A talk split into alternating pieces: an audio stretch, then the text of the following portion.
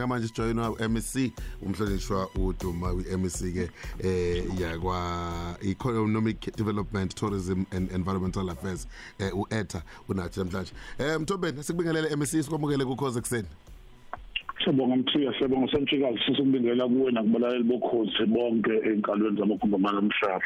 Buhlungu ukuthi kunomcimbi sekugayiwe utshwala bese kuthiwa vele bachithwa bugayiwe. Kunjalo mfowethu ngicabanga ukuthi kodwa kubalekile ukuthi sisiwa kude nje sisizwe esimnyama mongabheka ukuthi ngenkathi kade izinsizwa noma kuthiwa ziselibeni bezobe shaya ingoma nangakhethi sobandlulo bowuzozwa nje kucula kubiza umadiba. Kusho ukuthi umculo into esegazini la kuma Africa uzobona labathunjwa asemelika ukuthi awu number 1 emhlabeni. Kodwa ke abantu abak understand ukuthi ezinye zezinto ke zezithuthuka uzobona ukuthi uhulumeni uhambe wazogcina esexhasa ngisho izingoma. And this la kwaZulu Natal sinomlando omude. Uzobona oBlack Dollar Smith Black Mambazo bagcina beqala beyingxenye yokuqala eperformance emhlabeni. So besicabanga ukuthi kuyinto enhle. Ubonile ku Black Coffee egcwalisa iMadison Square. Kusho ukuthi ikhono nokuthuthuka kwe creative industry kuyinto esiyithatha ngendlela ebaleke kakhulu. Lomnyaka sikubona ke wona futhi une element enkulu ye tourism ekusafanele sithola isikhathi sontshikazi sichaza nje ukuthi kubaleka kanani kungabukeka uma sesithanda ukufaka isigaba semali bagcina bevusa inhloko zabantu kanti iyo into esuke izoletha ukuphela amathuba omsebenzi ngoba lezinye izimboni zisuke zizolekeleleka ngokubethinta ezisuke ezinjezweni okay asiqaleni ngale asiyaqinisekisa ukuthi awasekho amasama eprovincini manje? Asiqinisekise mfowethu yaso sifinyelele lo sinqumo njengomuntu elida nje lomnyaka ukuthi cha amasama ngeke azabe khona. Ngenxa yesimo esihlukile ke uzobona nje ukuthi uNational Treasurer uzobona ukuthi kunesekhula eyakuma department ukuthi ke izinga lezimali alikafinyeleli ne collection ka receive of revenue ekahle. So ngaleyo ndlela ngama project ekuyofanele siwa divert singakwazi ukwenza. So sicabanga ngathi njengohulumeni onakekelayo uma izinto zomsebenzi semncane kungcono imali yethu nathi ithathe silekelele ekusithesha waya waya sivula amathuba emisebenzi kuzona zonke izindawo mm MC I'm sure uke wabona ama post amaningi. Amaningi eh njengalokhu umnumzane uzwakela emncango i lead action SA ethi uke wabhalela i department yakwa yakwa noma empeleni i premier I'm sorry i office lika president umhlonishwa uRamaphosa. Kwezinye izinto akayiposta before bekade poster into ebeyibiza ngokuthi ukumoshwa kwemali enkulu ebiya kule kulomhlangano obuzokwenziwa wamasama eh waposta nezinto ebekade ikhombisa even ama letterheads eminyango econfirmayo ukuthi kunemali engaka ekhona noma kuneplan engaka yemali ebekade ikhona. Nokususa umsindo omkhulu ukuthi singathi sinabantu abalambe kangaka kube nemali ebalelwa cishe ku 53 million if we include i budget esolwayo ka 25 million ebizobe iphuma eThekwini nalebe iphuma kumnyango wakho. Bekuyi decision right ngempela le ukuthi siwa host esikhathini esinjengalesi? Amasama ke uzobona nje mfethu ukuthi ezweni lethu ke ayingxenye eyibhusa kakhulu iKwaZulu Natal uzobona nje ukuthi inento eziningi enolwandle esigabe ngalo eliletha ke abatshali bezimali. Kuno N2 no N3 kunamahaba noma amachoba amabili lapha eThekwini nase Richards Bay.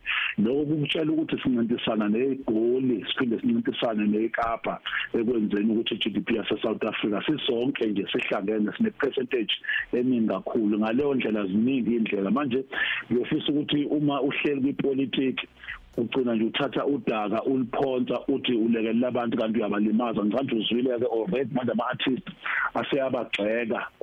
Lo bantu ade ukhuluma ngabo. Ngiyanqena mina ukuthi ngilo ngibanikeze airtime engenasidingo ngoba ezinye ingozi ukuthi uzobona ukuthi ke izilwane njengebhubesi nje azizixaka ukuthi inyamazana zicabangane ngoba vele umsebenzi wakhe usebenza ngazo. So lama organization amancane asuke safufusayo vela ke enhleseni yokusebenzisana nabelungu. Kuyofanele asuke azame ngayo indlela ukuthi agqame ukuvusa imkhumbulo kodwa ngifisa ukuthi sibone kanjena ke uma ngenze nje sibonele ukuthi ungathatha u20 million ubone umuso musothathile 20 million activate in the entire process.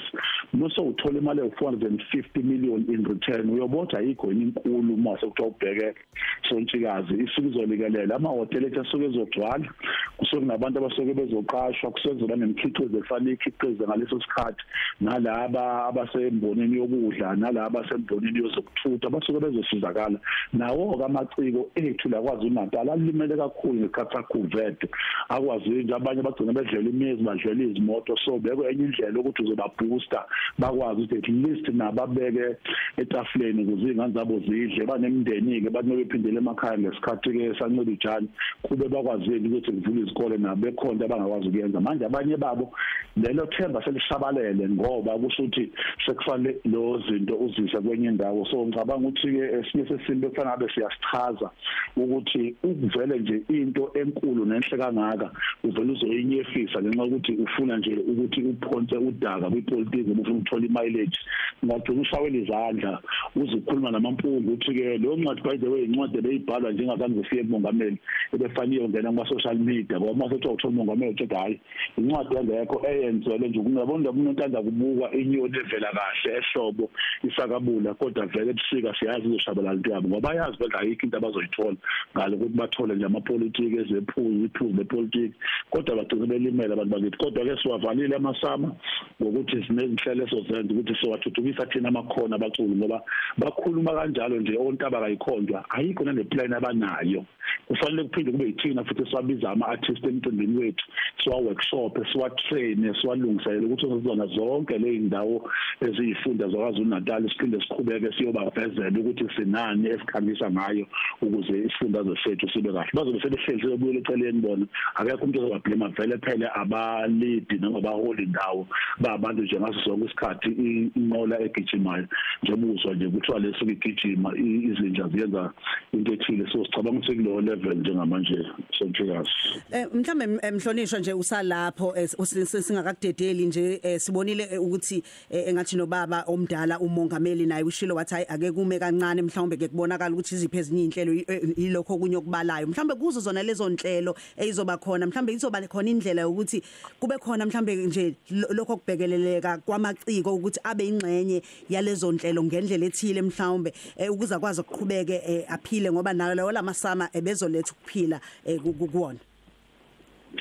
Siyabonga kakhulu sondiya siyabonga kakhulu Rosary. Ngicabanga ukuthi sesishilo already ukuthi kumgomo wethu uzobona nje ukuthi ke enhlanganweni ke esiholayo unosekela sihlalo ohlangana naso zonke amaciko nomnyango dedicated kuwona thina sishilo ke sathi sine program vele ekuyofanele nje manje uzobona nje ukuthi uma silontsha iplanting season yonke indawo sithi sisemasemeni kodwa sinandise ngawo amaciko akithi la esifundazweni ngoba siyasazi isidingo sawo siyaza lethu ubumnandi kodwa ke futhi emakhaya kulala kudliwe futhi into abayenzayo iyalekela endaweni eziningi. Kodwa ke iningi creative arts ngoba nalabo thothi bayapenda nalabo abanye thothi bayadweba ababadwebi bafanekise bonke kufanele sibagade eduzane lo bantu sokuqhubeka nalowo msebenzi okunye nokunye uzokuzwa ezindabeni wokwazi nje ukuthi kumdlalo wezepolitiki ekusekufanele kupende isithombe esingelona iqiniso. Bayabuya futhi eceleni bathi siyabonga ukuthi kanti sizoqhubeka nibalekele abantu siyokwenza kanjalo. Uhulumeni onakekelayo kunalowo mcimbi ukuthi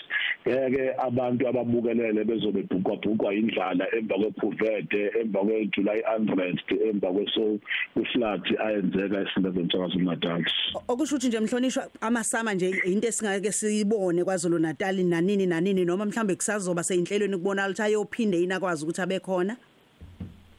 Ngicabanga ukuthi kufanele ubaleke ukuthi isifundazwe sakwaZulu Natal ngibalulile Rosary ukuthi ngeke uthi uyisifundazwe esivele attract ama tourists hambe emazweni njengo Madagascar no Mauritius azikho ezimbiwayo phansi awekho ama izimboni izimboni zabo ukuthi ba attract ama tourists isifundazwe sakwaZulu Natal mozolibheka nje ulwandle uzobheka ichweba ubheke izinto ezinhle ezakhile njengomozi maphetho zakhiwa yilohulumeni kuyafanele ubize abantu bezozibona uzozigqaja ngeintaba onazo zokhahlamba uzozigqaja ngesafari onayo. So siyoqhubeka sibe nayo imicimbi esuke ikanje futhi uyayazi ukuthi ICC kuwo lo nyaka esibona ihlonziwe njengendawo ethandwa kakhulu ekwazi ukuhosta izinkomfa ezinkulu emhlabeni oquka phakathi neBRICS conference. So siyoqhubeka ngeminyaka elandelayo uma isimo sezimali sesivuma sikwazi ukuqhubeka nomcimbi njengalo Okay. Loloko FM sana vele umsakazo ukhoze FM sikhuluma ke no MEC kuDuma eh uphuma ke kwi department yakwa Economic Development, Tourism and Environmental Affairs. Emveni kokuba kade kunemtumela lamasama bezokwenzeka esifundazweni saKwaZulu Natal, thiwa ke awasekho lawo masama lawo angeke senzeke. Mhlonishwa enye izinto bekade ngibona i trend I'm sure lapho uyibonile inkuthazo zokuxhumana. Ile abantu bebekhala ngokuthi nithi lamasama ebe as much as ebezosetshenziswa imali AX amount ebezoletha enkulu i return on investment noma okuzoba inzuzo kwenzekile ngayo ebekhona besifike kanjani kwi calculation yalezi ibalo lezi? Eh besineshonga ngempela ukuthi imali ebezoyithola le?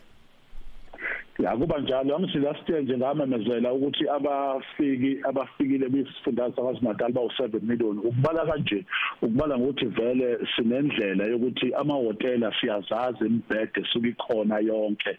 Nalamo ufika e-airport esifundazweni laba feke elukuzeni basuke bezongena esikhumeni sezimbizi nabasuke befikile uyakwazi ukuba register bonke ukwazi ukubabona. So uyakwazi ukuthi uthi mhlambe 10 rand times 20 mose ubona ukuthi ke lo mali ugcina ukhiphe into enganani so sifinyela endaweni enjalo kuyenzeka futhi nabona uthola ukuthi lo 450 million for instance mokuthiwa ukhuluma ngawo uthola ukuthi kuzoba khona umuntu ozofika lezo ubukela amasama bese khona emkhangayo. Athi ngiyabuya ke sengizotshala imali mhlambe ngiqhamuke emazweni aphesheya ngoba ngiyithandile nje ukubona umusic industry of South Africa. So isigaba sakhona sayisiqala kanjalo kodwa isuke accurate ifika esuke siveza ngoba suke sibalile ukuthi nazi izinto ngaphela kunama statistics i-tourism as a sector iya benchmark that is why uzobona indawo zokuhlala eseshala zona ziya grade ukuthi ewulukuzene ewu1 star isuke izoba kanje ewu2 star up to 5 star. Ingoba vele konke kushicilele phansi kune data nje esiyilandelayo esisuke singayiletha emkhozini uma uhleli sikuvezela ukuthi sisuka kanje la sifike kanje sesikhule kanjani isifundazwe. Kufana indaba nje mekuthiwa khuluma nge-CPI ukuthi ibalwa kanjani noma kufana indaba mekuthiwa sibona kanjani ukuthi ke inyuka kanjani ke indaba yokucollecta ka SARS izonyuka kanjani ke amathuba omsebenzi mhlawumbe gcina kuthiwa ngo 3% over 2 years?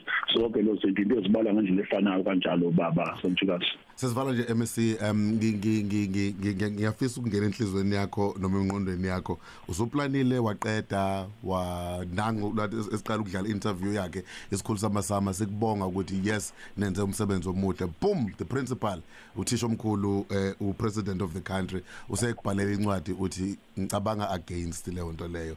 Ufile kanjani?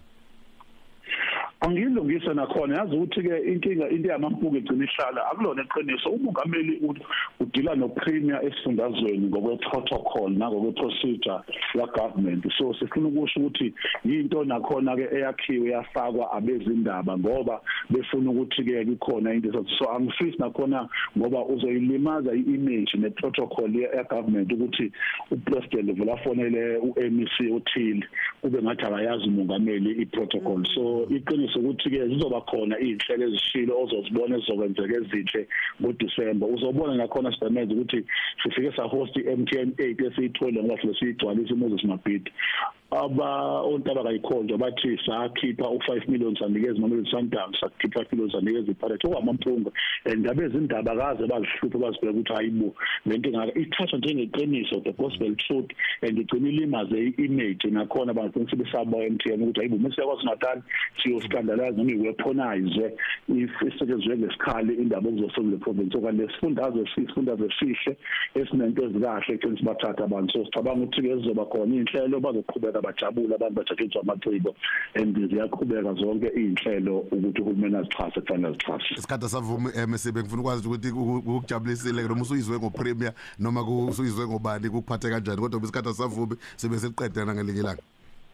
Thank you so much baba. Siyabonga. Ngibusisa inkosi.